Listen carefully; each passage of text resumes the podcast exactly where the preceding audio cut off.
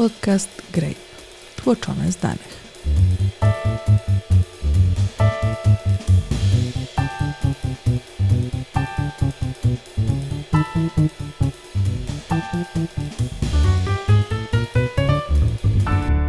Czy kobiety pomagają kobietom w męskim świecie? Walczą ze sobą, czy wzajemnie się wspierają? Budują swoją sieć kontaktów? Co i kto hamuje ich kariery? A gdy już dojdą na sam szczyt, pozostają sobą, czy przejmują męski styl zarządzania? Jak zmieniają firmy, którymi kierują? I co do tego mają konkursy do orkiestr symfonicznych? Tłoczone z danych. Naszym gościem dzisiaj jest, Magdalena Smyk. Witam. a program prowadzą Joanna Tyrowicz. i Marcin Bojanowski. Zapraszam. Z najnowszego badania Joanny wynika, że większość europejskich firm nie ma ani jednej kobiety w swoich władzach. Biznes to wciąż męski świat? Magda, co wytłoczyłaś z danych? Wydaje się, że gdzieś tam w mediach promowane są kobiety liderki i dużo się o tym mówi, to jak patrzymy na no właśnie na dane, to okazuje się, że nie jest już tak różowo. Chociażby jak spojrzymy na panią Christine Lagarde, która jest prezeską Europejskiego Banku Centralnego, to okazuje się, że gdyby zrobiła sobie zdjęcie z, e, ze wszystkimi pozostałymi we wspólnocie europejskiej prezesami banków centralnych, to byłaby na takim zdjęciu jedyną kobietą. Ona nawet zrobiła sobie takie zdjęcie. Nawet zrobiła sobie takie zdjęcie. Tak, ono obiegło świat, ale oczywiście niewiele zmieniło. Jest tak, że fajnie jest, że o różnych rzeczach się mówi, fajnie jest, że różne rzeczy się podkreśla, ale to, że się o nich mówi, niekoniecznie zmienia fakty. Też to badanie, o którym wspomniałeś, ono w tym sensie 44 miliony firm ma znaczenie, że nie mówimy tylko o spółkach giełdowych, na które do tej pory się patrzyło i które są pod takim nadzorem opinii publicznej, w tym sensie, że zwraca się uwagę dla spółek giełdowych, czy jakieś kobiety tam są, można komuś zrobić zarzut, można z niego zrobić e, przykład firmy nieprzyjaznej kobietom.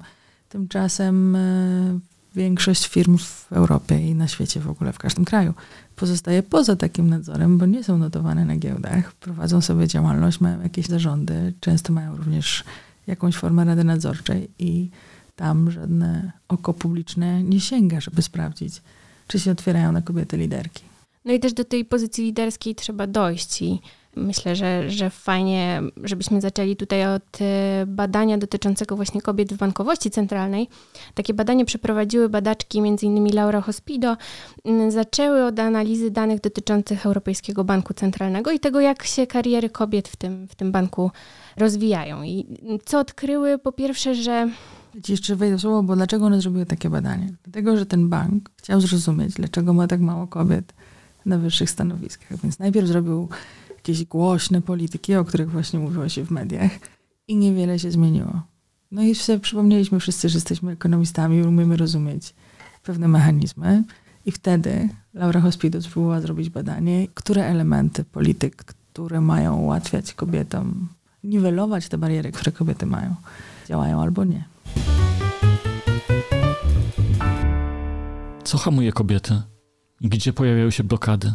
O ile przyjmowane na stanowiska, czy przyjmowani przyjmowane na stanowiska pracowniczki, pracownicy Banku Centralnego dostawali mniej więcej podobne warunki, o tyle okazało się, że po dosłownie kilku latach stażu te wynagrodzenia już się dość zasadniczo rozjeżdżają, jeżeli porównamy sobie wynagrodzenia kobiet i mężczyzn w, w banku. Co więcej, też jakby kobiety z niższym prawdopodobieństwem awansują. Tutaj mówimy o danych sprzed 2010 roku, kiedy to została wprowadzona polityka wspierania różnorodności w banku i, i, i faktycznie tutaj to, co Laura Hospido pokazuje, to, że, że te polityki pozwoliły jakby zniwelować te różnice, ale to, co zanim, zanim e, te polityki zostały wprowadzone, te nasze badaczki zaobserwowały, to, że te różnice, one głównie wynikały z dwóch czynników. Po pierwsze z z tego, że kobiety rezygnowały czy przerywały karierę e, ze względu na, na macierzyństwo, czy, czy jakieś e, związane z obowiązkami e, rodzinnymi kwestie. No i tutaj gdzieś tam po pierwsze te ścieżki awansu się zamykały i te wynagrodzenia nie rosły tak szybko, ale po drugie też kobiety o podobnych kompetencjach do mężczyzn, już pracowników Banku Centralnego, rzadziej o te awanse prosiły, czyli jakby nie, nie, było, nie było takiej inicjatywy z ich strony. Jako wieloletni pracownik Banku Centralnego mogę powiedzieć, że awans w banku centralnym to jest w ogóle jakaś dość aberracyjna koncepcja, dlatego że robi się dokładnie to samo, tylko twoje stanowisko się nazywa inaczej. Stanowisk zarządczych jest bardzo mało, czyli jak przychodzisz, to jesteś młodszym ekonomistą, potem jesteś ekonomistą, potem jesteś starszym ekonomistą, co dobrze brzmi tylko po angielsku. Potem jesteś, e, i te, jakby wszystkie banki centralne mają taką samą siatkę i w zasadzie coś takiego jak awans odzwierciedla to, ile lat się pracuje, a nie to, jakiego rodzaju pracę się wykonuje. I jeśli się nie przejdzie na stanowiska menedżerskie, to tak naprawdę po 7 czy 8 czy 10 latach osiąga się maksimum tego, co, co można. I analogicznie jest na stanowiskach administracyjnych, na stanowiskach związanych e, z, nie wiem, ze skarbem czy z operacjami krajowymi. Tam też jest taka konkretna siatka i tylko te, to przejście na nie wiem, kierowanie zespołem czy kierowanie większymi zespołami jest faktycznie zmiana zakresu obowiązków. I jak Magda mówi, że nie było awansowania, to w praktyce oznaczało, że przyjmujemy dwoje młodych ekonomistów na stanowisko, na przykład młodszego ekonomisty i wykonują tę samą pracę. Tak samo pracują. Ale chłopak szybciej staje się ekonomistą ze stanowiska młodszego ekonomisty niż zatrudniona w tym samym momencie kobieta. Za tym oczywiście w tak przyzwoitych instytucjach jak SEB zazwyczaj idzie jakaś tam ponieważ przesuwasz się wyżej w siatce stanowisk, to przesuwasz się nieco wyżej w siatce płac i ten rozjazd e, wynagrodzeń e, też e, z tym jest związany. Tak, i tutaj co jeszcze z tego badania warto wspomnieć. Tak jak mówiłam, od tego 2010 roku coś się w tych danych wydarzyło takiego, że, że już nie obserwowaliśmy tych takich zasadniczych różnic. No i temu też badaczki się przyjrzały, czyli jakby co ma znaczenie w tym wspieraniu awansów kobiet. I tu okazało się, że jakby kluczowe znaczenie ma wsparcie jakiegoś mentora, takiego, który, który właśnie wspiera w tej pracy i wspiera w rozwijaniu kariery. E, natomiast e, skład organów decydujących o awansie okazał się nie mieć znaczenia. Co to znaczy skład organów zarządzających? To, czy w tym składzie znajdowały się kobiety, czy nie, było bez znaczenia. Wspominam o tym, bo pewnie do tych składów decydujących i ogólnie do tego takiego wsparcia między kobietami pewnie dzisiaj jeszcze w rozmowie wrócimy. Wreszcie, to co jeszcze z tego badania warto podkreślić, e, badaczki podkreślają bardzo mocno, że to, że zwrócili uwagę zarządzający Europejskim Bankiem Centralnym na to, żeby właśnie te ścieżki kariery kobiet i mężczyzn były porównywalne, żeby w tych samych warunkach te awanse zdarzały się tak samo często, nie spowodowało straty jakości w pracy. I to też to badanie podkreśla. tym, co się zmieniło w Europejskim Banku Centralnym, bardzo ważne jest e, ile rzeczy się zmieniło okazało się, że ono działa lepiej. Okazało się, że na przykład super dużą skuteczność ma informowanie przez szefów, jakbyśmy tego nie nazwali, że jest jakaś rekrutacja na wyższe stanowiska. Że to jest tak, że samo otwarcie, uczynienie tej informacji bardziej transparentną zwiększało prawdopodobieństwo, że startować na te wewnętrzne awanse będą i kobiety, i mężczyźni. I w związku z tym zwiększało również szanse awansu kobiet, bo one po prostu nie odstawały od swoich kolegów, jeśli chodzi o zdolności, umiejętności i tak. Tylko jak te propozycje awansu nie były transparentne, no to częściej występowało zjawisko, i tutaj Magda przytoczy to badanie, bo znaje dużo lepiej niż ja, tak zwane women don't ask, czyli kobiety nie proszą. Częściej występuje takie zjawisko, że facet po prostu zastuka do pokoju swojego szefa i mówi szefie, pracuję tu już jakiś czas, nie było awansu, coś by warto było z tym zrobić, a kobieta czeka, aż jej ktoś ten awans zaproponuje. Kiedy pojawiają się transparentne kryteria i transparentne momenty, w których te następne etapy kariery można osiągać, to różnica pomiędzy kobietami i mężczyznami maleje. Opowiesz Magda o tych badaniach? Tak, faktycznie jest jakby cała, cała taka duża grupa badań pokazująca, że że jakby mężczyźni bardziej... Częściej negocjują. Częściej negocjują, e, też czują się bardziej komfortowo w tych negocjacjach, a jakby kobiety gdzieś albo w ogóle ich nie podejmują, albo gdzieś dość szybko się, e, się z nich wycofują i, i to też jest przytaczane jako jeden z powodów. Takie najprostsze badanie, które ja pamiętam, to była Catherine Eckel, ale może źle pamiętam. Ona zrobiła taki, dała ludziom jakieś takie zadania do rozwiązywania z matematyki czy z czegoś i w jednej grupie poinformowała o tym, że jest jakaś tam stała stawka za rozwiązanie tych problemów, a w drugiej poinformowała, że jest stała stawka, ale można ją negocjować. I porównała, jak często i która płeć wnioskowała o negocjowanie stawek. Teraz w tej pierwszej grupie, która dowiedziała się, że jest stała stawka, kobiety, które rozwiązały jakieś zadania, przyjmowały wynagrodzenie i kończyły eksperyment, natomiast faceci częściej, nie wszyscy oczywiście, ale częściej zwracali się z pytaniem, czy nie dałoby się jakoś podnieść tego wynagrodzenia za udział w eksperymencie. Natomiast w tej zrandomizowanej, czyli to nie jest tak, że jedni ludzie sobie wybierali, jedna grupa dostała komunikat, jest stała stawka, a druga dostała komunikat, druga taka sama grupa statystycznie dostała komunikat, jest stała stawka, ale możemy o tym porozmawiać. Kiedy ten protokół, że można coś negocjować, został ogłoszony w eksperymencie, to obie płcie z równym prawdopodobieństwem przychodziły negocjować stawki. Nie dam głowy teraz, że to było badanie Katrina ale tak mi się wydaje. Tak, na pewno taki był, że tak powiem, design tego eksperymentu i, i dokładnie takie, takie wyniki, tak? Czyli jakby ta jasność warunków sprawiała, że kobiety podejmowały się tego, tego negocjowania częściej. Płeć wcale nie musi mieć znaczenia. Pokazały to konkursy do amerykańskich orkiestr symfonicznych choć wyszło to przypadkiem i wcale nie o płeć tam chodziło. To w ogóle jest chyba jedno z moich ulubionych badań. Szczególnie, że jakby okoliczności powstania bazy danych są bardzo, moim zdaniem, ciekawe, ale też e, to jest takie badanie, w którym wykorzystana została sytuacja, która w ogóle nie miała na celu zrobienia tego, co zrobiła. A dokładniej w latach 70. wśród e, muzyków orkiestrowych w Stanach Zjednoczonych pojawiło się takie, taka niezgoda na pewien rodzaj nepotyzmu w tym środowisku, a mianowicie w komisjach rekrutacyjnych do największych amerykańskich orkiestr zasiadali oczywiście najbardziej szanowani profesorowie, oni mieli swoich uczniów, i sobie nawzajem, że tak powiem, załatwiali swoim studentom bardziej niż sobie nawzajem, załatwiali miejsca w tych orkiestrach. To znaczy, ja, ja zagłosuję za przyjęciem do orkiestry studenta profesora X, to profesor Y w drugiej orkiestrze przyjmie moją studentkę, mojego studenta. I właśnie z tej niezgody na, na tak jak mówię, swoisty rodzaj nepotyzmu pojawiła się sugestia, żeby te przesłuchania stały się przesłuchaniami w ciemno, tak? Czyli jakby decyzja powinna być podejmowana na podstawie tego, jakie ktoś ma umiejętności, a żeby ocenić, czy ktoś jest dobrym skrzypkiem, e, nie potrzebujemy wiedzieć, jak się nazywa, ani jak wygląda, tylko potrzebujemy wiedzieć, jak on gra. Więc e, od tego momentu rekrutacja wyglądała tak, że skrzypek wchodził do sali, stawał za kotarą, komisja rekrutacyjna go nie widziała, on grał, wychodził, oni go oceniali i na tej podstawie została podejmowana decyzja. Ewentualnie skrzypaczka. Ewentualnie skrzypaczka. I teraz nieoczekiwany, a e, w fantastyczny sposób wykorzystany wynik tego naturalnego eksperymentu przez Claudię Goldni i Cecilię Rus był taki, że z udziału około 5% kobiet tak jak powiedziałam, najbardziej prestiżowych amerykańskich orkiestrach symfonicznych, kobiet w tych orkiestrach pojawiło się 25%.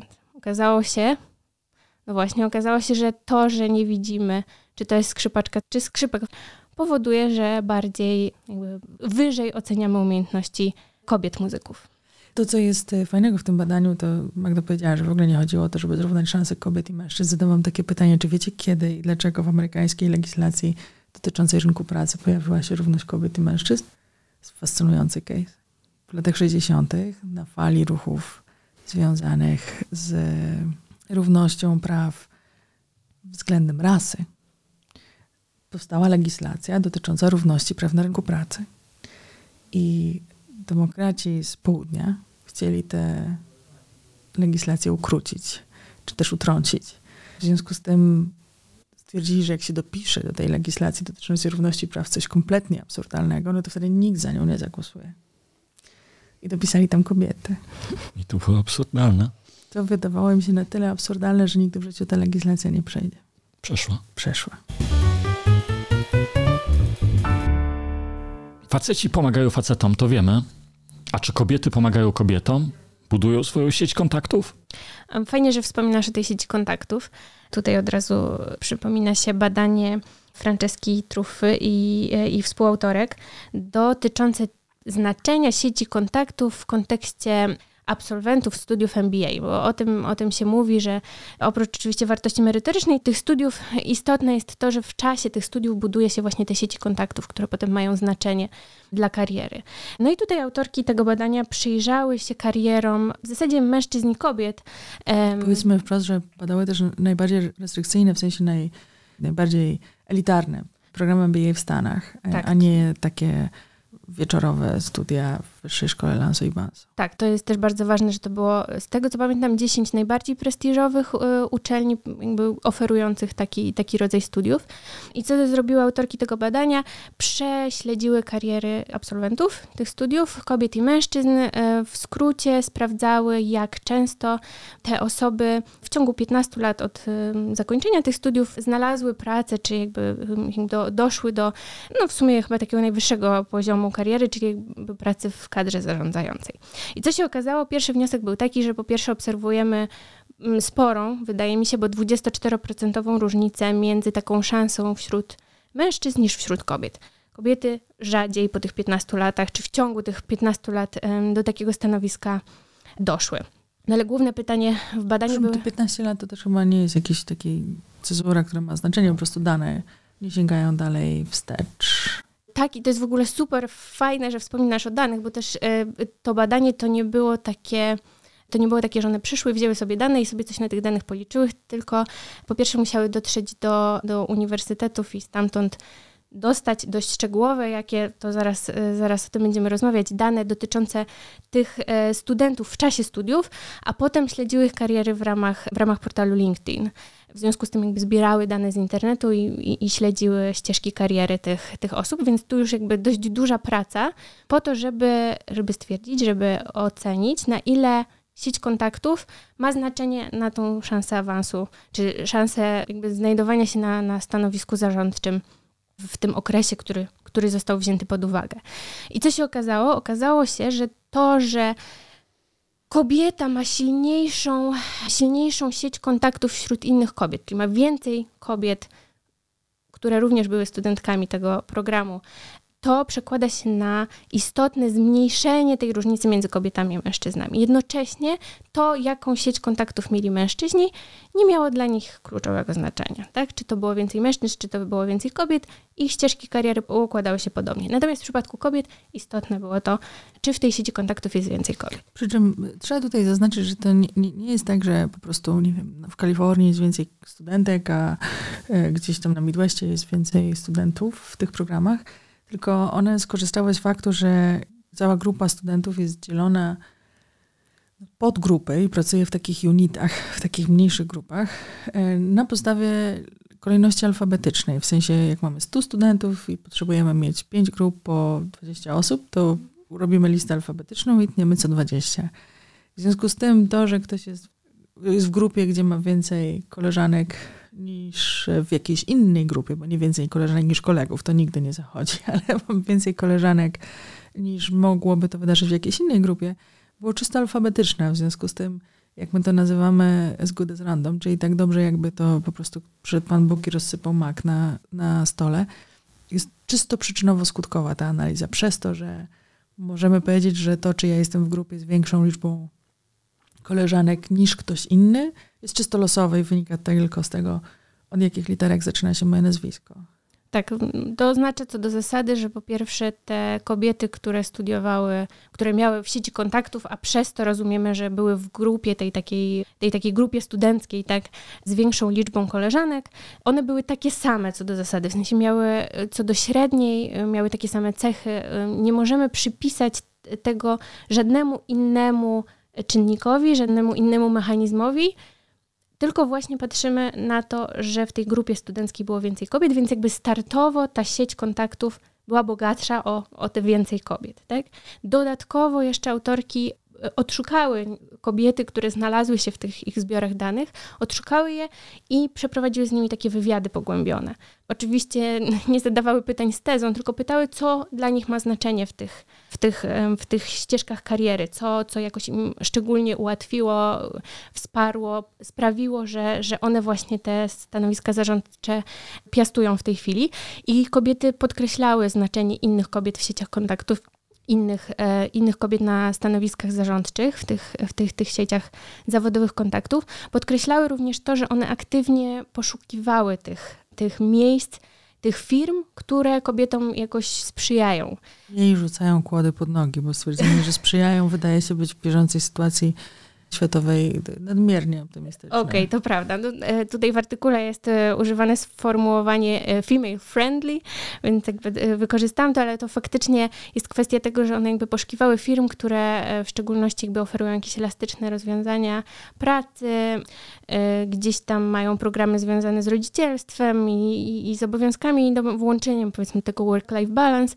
Ale tak, to wynikało z tych wywiadów pogłębionych, ale e, to też, to też widać było w, jakby w danych e, ilościowych, tak, że, e, że to są kobiety, które aktywnie poszukują takiego miejsca, w którym mogą swoją karierę rozwinąć. Ja już jak rozmawiałam z Franceską Trufą, to ona zwróciła uwagę na taką rzecz, że zachodzą oba mechanizmy. To znaczy nie tylko, że twoja ścieżka kariery jest szybsza, jeśli masz więcej koleżanek w swojej sieci, ale też, że masz mniejsze prawdopodobieństwo, że ci się wykolei. Większe prawdopodobieństwo osiągnięcia sukcesu nie jest związane tylko z tym, że wszyscy by doszli do sukcesu, tylko jedni po trzech latach, drudzy po 30 i w związku z tym, jak mierzymy po 15 latach, to kobiety mają lepsze wyniki, czy po maksymalnie 15 latach, tylko też z tym, że kiedy się przydarzy, bo może ci się przydarzy, że nie wiem, pójdziesz na dyrektora zarządczego do firmy, która po prostu zbankrutuje, nie z twojej winy, w trudnej sytuacji, no i nagle musisz szukać pracy jako osoba pozbawiona jakichkolwiek środków do życia, więc mogą się przydarzyć różne niekorzystne, albo nie wiem, przyjdzie szef i wyrzuci cały zespół, bo chce zatrudnić jakiś nowy zespół. No różne rzeczy się mogą w karierze biznesowej znaleźć i to, co widać jakby z tych danych, analizując absolwentów prestiżowych programów MBA, więc też się przydarzają nieszczęścia, to jest to, że mniejsza jest szansa, że takie złe wydarzenie wykoleja twoją karierę bo umiesz, korzystając właśnie z tej sieci kontaktów, odbudować swoje szanse zawodowe szybciej. Przy czym to też nie chodzi o to, żeby jakoś teraz się koniecznie upierać, że osiągnięcie stanowisk najwyższej kadry zarządczej to jest cel każdego e, w życiu. Ale jak ktoś idzie na studia MBA, to nie po to, żeby karierę potem nie zrobić. To jest po pierwsze bardzo duży wysiłek, żeby się do takiego programu dostać. Po drugie też ogromny koszt. Te programy kosztują po 200-300 tysięcy dolarów.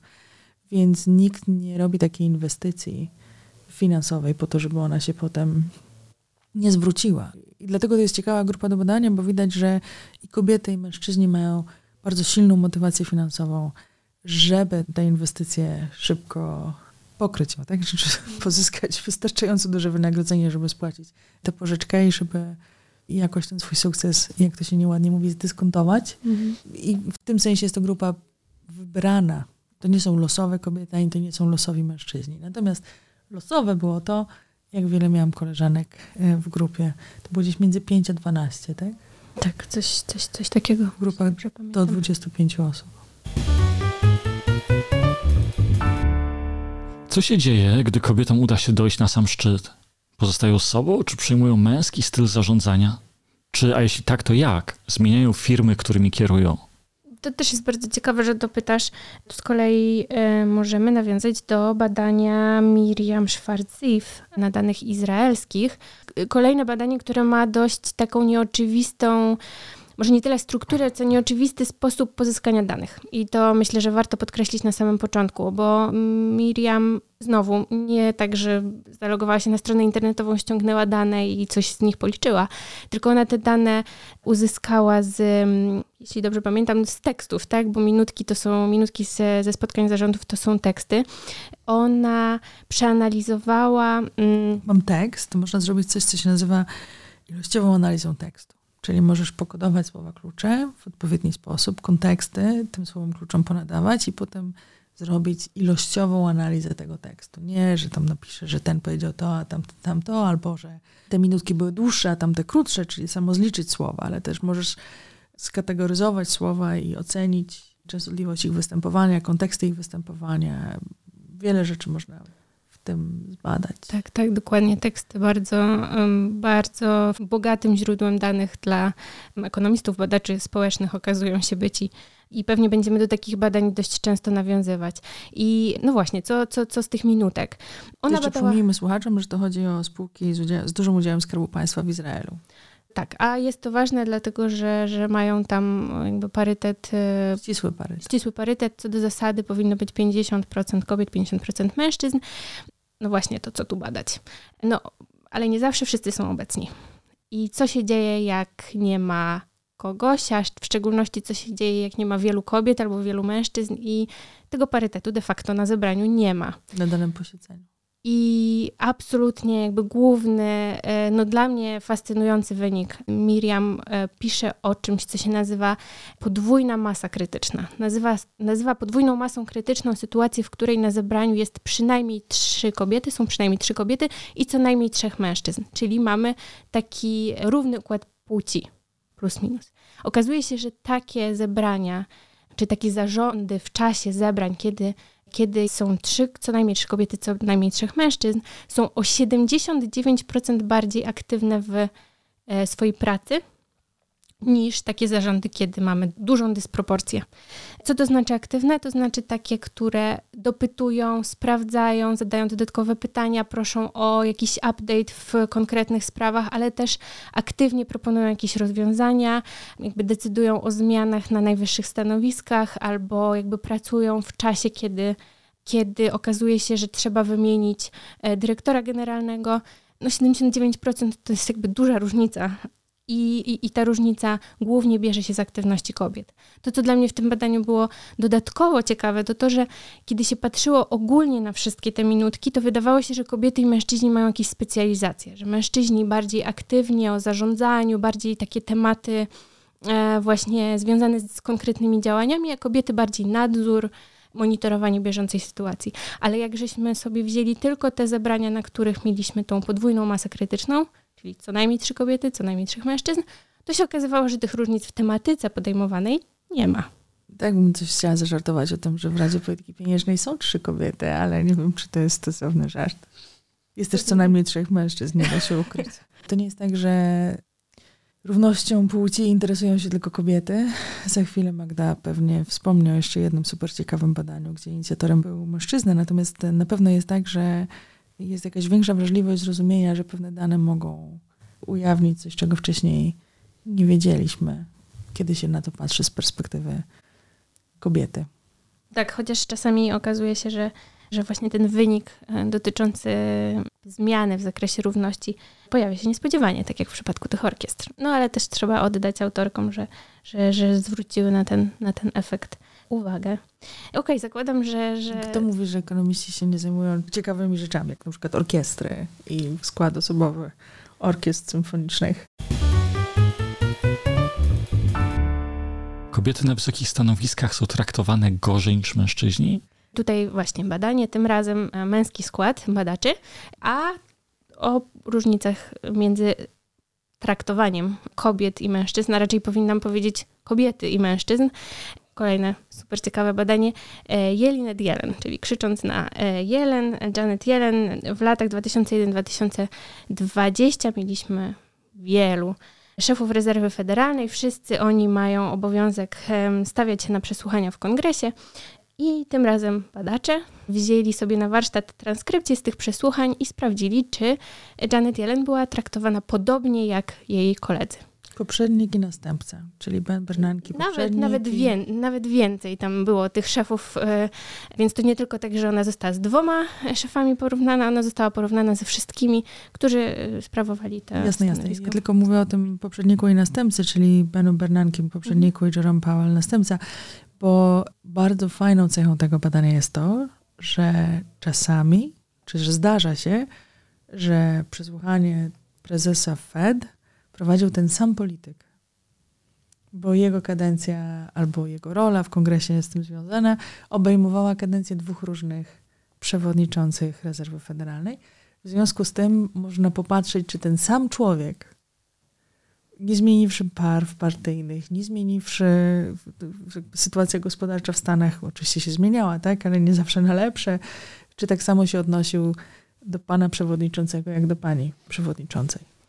Tak, właśnie super, że, że, że Janna do tego nawiązała, bo te wyniki liczbowe, które za chwilę pewnie rzucę jakimiś liczbami, one właśnie mówią o tym, o różnicach między tym, jak często konkretny kongresmen przerywał właśnie albo Benowi Bernanke, albo Jayowi Powellowi. Albo Janet Yellen. Albo Janet Yellen.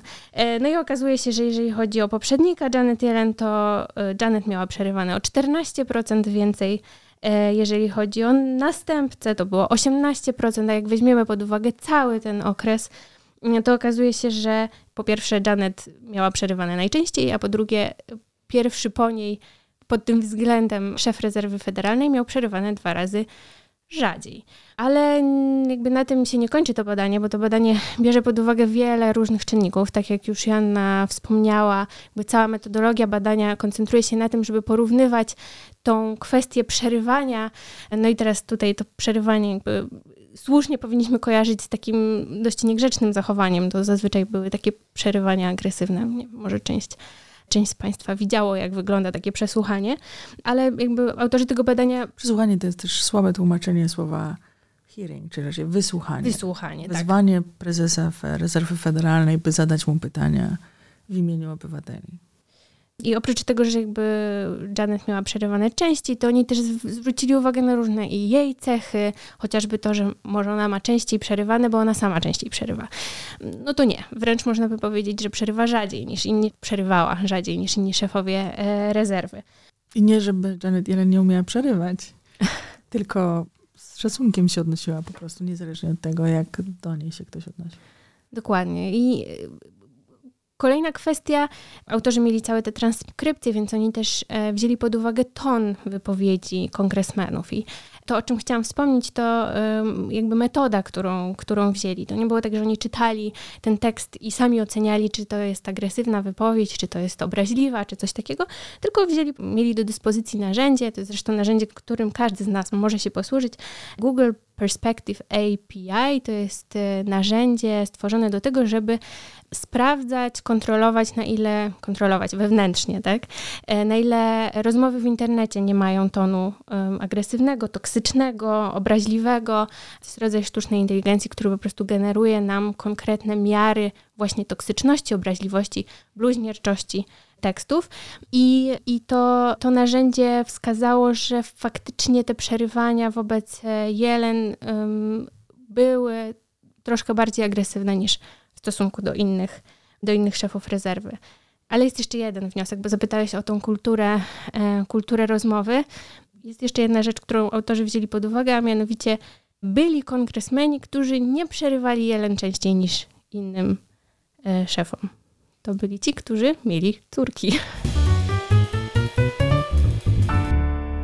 Super historię chciałam o tym opowiedzieć, bo leciałam sobie na konferencję w Stanach i to taka konferencja, że jeszcze się na nią kilka tysięcy ekonomistów z całego świata. W związku z tym, jak wsiadasz gdzieś na jakimś przesiadkowym lotnisku w Stanach do samolotu i koło ciebie siedzi człowiek, to szansa jest, że jest ekonomistą lecącym na tę konferencję. I tak się złożyło, że koło mnie siedział facet, który całe życie przepracował w bankowości centralnej bardzo mądry ekonomista, nie będę podawała jego nazwiska, bo nie mam jego zgody, ale teoretyk, bardzo mądry człowiek. No i tak sobie rozmawiamy o różnych kwestiach równościowych. On właśnie opowiada o tym, że córki, córki sportu uprawiają, do kobiet trzeba mówić inaczej w sporcie niż do mężczyzn, że on jest bardzo na to wrażliwy. I jakoś tak z kontekstu wyszło to badanie, bo spytałem, czy je widział, bo pracował w, w rezerwie federalnej w Nowym Jorku także, więc pracował, e, czy współpracował, miał spotkania z Janet Yellen, kiedy ona była prezeską rezerwy federalnej w Waszyngtonie. No i on mówi, że badania nie widział, ja mu o nim opowiedziałam. Mówi, wiesz, to na pewno jest bardzo dobre badanie, ja nie dyskutuję z tym, że są jakieś różnice ze względu na płeć, ale to na razie jest case, jeden przypadek, jedna Janet Yellen, a nie miara jakiejś ogólnej tendencji w odniesieniu do kobiet ekonomistek. No i tak późno było, leciałam długo bo z Europy, trochę byłam zmęczona, więc mi w ogóle kulki nie styknęły o badaniu, o którym Magda powie za chwilę. Jak wysłałam temu człowiekowi to badanie, powiedział, Boże, przepraszam cię bardzo, przepraszam cię bardzo. Tak. No tak, bo mamy też nie case, a bardzo systematyczne badanie dotyczące ekonomistek i ekonomistów prezentujących w ramach seminariów na uniwersytetach w Stanach, też właśnie prestiżowych. Pamiętajmy, że to jakby e, bierzemy top of the top. I znowu autorki badania przeanalizo przeanalizowały. Inicjatorem tego badania był Justin Wolfers. Okej. Okay. Zbudował cały duży zespół, pięcioosobowy, ale temu pięcioosobowemu zespołowi pomagało 300 czy iluś e, koderów, czyli studentów studiów doktoranckich ostatnich lat, którzy siedzieli na tych seminariach i z takim tablecikiem w ręku kodowali minuta po minucie przebieg seminarium. Mm, tak, ich zadanie... Czy też super nowe dane zebrane w sposób kosmicznie kreatywny. Tak, tak. To, to też właśnie w tym badaniu absolutnie fascynujące, że, że właśnie na te ponad 400 seminariów zostali wysłani studenci i oni, ich zadaniem było zakodować każdą interakcję między słuchaczami, tak, konkretnym słuchaczem, a e, osobą prezentującą. No i teraz e, pytanie, które, które badacze sobie e, zadali, brzmiało, czy kobiety prezenterki mają inne warunki prezentowania niż mężczyźni prezenterzy? Odpowiedź na to pytanie brzmi tak. Okazało się, że i znowu tutaj pojawiła się ta miara związana z przerywaniem, z zadawaniem pytań w trakcie prezentacji. Okazało się, że kobietom w czasie prezentacji zadawane jest więcej pytań niż mężczyznom.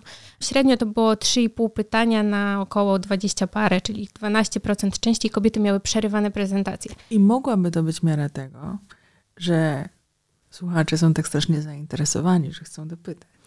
Ale nie. Ale nie jest, y, bo, bo też jakby więcej pytań było w takich pierwszych minutach, kiedy tak naprawdę jeszcze nic takiego prezentujący nie zdążył powiedzieć, żeby, żeby to trzeba było ani rozwijać, ani specjalnie uszczegóławiać. I tutaj też już była ta różnica.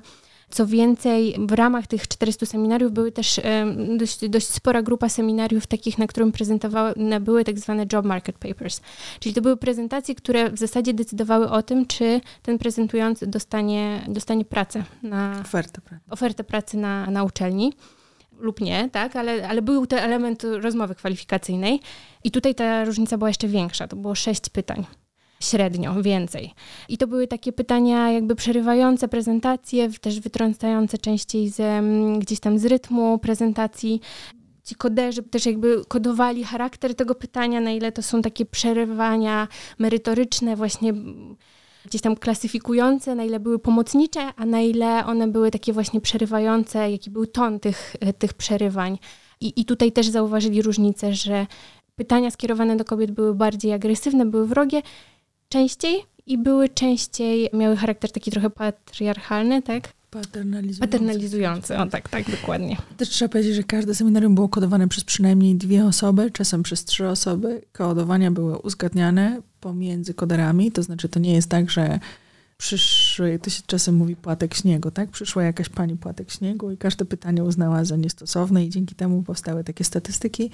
Nie, koderze byli zrównoważeni ze względu na płeć. Badacze bardzo zadbali o to, żeby wiarygodność tych zebranych danych, no bo po co angażować mnóstwo ludzi w zbieranie danych, z których potem nie da się wyciągnąć wiarygodnych wniosków, więc po to, żeby one mogły być maksymalnie wiarygodne, to zapewniono, że żadne seminarium nie było oceniane przez jedną tylko osobę i tak dalej, więc naprawdę bardzo dużo wysiłków to włożyli. Tak, myślę, że, że warto, warto to podkreślić, że, że jakby autorzy badania bardzo dużo włożyli energii w to, żeby pokazać, że te wyniki nie są spowodowane tym, kto kodował, nie są spowodowane tym, kto był kodowany, w jakim temacie, e, nie był spowodowany cechami też pytających, bo gdzieś tam pojawiło się jakby może się pojawić taka wątpliwość, na ile może kobiety kobietom częściej zadają pytania, kobiety kobietom częściej przerywają, bo też są takie wyniki badań ankietowych właśnie z dużej ekonomicznej konferencji, które, w których e, kobiety zdecydowanie częściej, tam była różnica 50% kobiet, a około 20% mężczyzn, deklarowali, że wstrzymują się przed zadawaniem pytań, czy jakby wskazywaniem własnych sugestii, czy idei, właśnie w obawie o reakcję i o e, stosunek pozostałych słuchaczy e, do nich. Ale nie, nie było tak. Czy to nie było tak, że kobiety częściej zadawały pytanie kobietom? Wszystkie te e, takie dodatkowe czynniki, o których możemy sobie pomyśleć, w tym w szczególności to, kto zbierał dane i kto kodował, zostały przez autorów badania uwzględnione. Też ustalmy to, że jest e, niestety cały czas bardzo wiele wydziałów ekonomii w Stanach, gdzie na stanowiskach profesorki nie ma ani jednej kobiety, ani, ani jednego przedstawiciela e, mniejszości ani rasowych, ani etnicznych. W sensie sami biali faceci. To oczywiście nie musi być źle, ale to też znaczy, że trudno, żeby kobiety zadawały pytania na takich seminariach, ich tam po prostu nie ma. Też myślę, że warto jakby podsumować historię tego badania tym, że ono zostało przeprowadzone po raz drugi. Tak, mm. ono się przytoczyło strasznie szerokim echem. Oczywiście mnóstwo ludzi podważało wyniki, że nie, że niemożliwe, więc naprawdę ci badający włożyli mnóstwo energii w, w to, żeby mucha nie się dała. I jest coś takiego, się nazywa NBR, to jest największy ośrodek ekonomiczny na świecie, znajduje się w Stanach i oni organizują taki instytut letni dla pięciu czy sześciu dyscyplin. To jest impreza tylko ze zaproszeniem, to znaczy prelegenci mają zaproszenie od wiodących ekonomistów danej działki ekonomii, żeby tam zaprezentować, więc to są najlepsi z najlepszych w każdym roku w danym momencie. I no, w tym gronie najlepszych, najlepszych czasami zdarza się kobieta. I James Potterba, który jest e, szefem tego całego przedsięwzięcia, zapoznawszy się z tym badaniem, zwrócił się do autorów e, z pytaniem, czy oni nie chcieliby przeprowadzić analogicznego badania w trakcie tych dwóch tygodni, kiedy odbywa się Instytut Letni, czyli kiedy są takie, wszyscy przyjeżdżają do jednego hotelu e, w Bostonie. Taki, powiedziałbym, rytuał mają corocznych tych seminariów.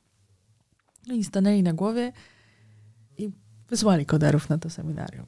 Tak. Uczestnicy wiedzieli, że będą w ten sposób analizowane ich wypowiedzi? No niektórzy przewodniczący paneli poinformowali swoich uczestników, że na sali znajdują się koderzy i będą kodować to właśnie. I pomimo tego. I pomimo tego wnioski były takie same jak w pierwszym badaniu. Próba była znacznie mniejsza, więc trudno mówić o statystycznej istotności, ale tendencje w danych były identycznie takie same. Number of the day is... Jaka liczba sponsoruje dzisiejszy odcinek? Jak w ulicy Zamkowej?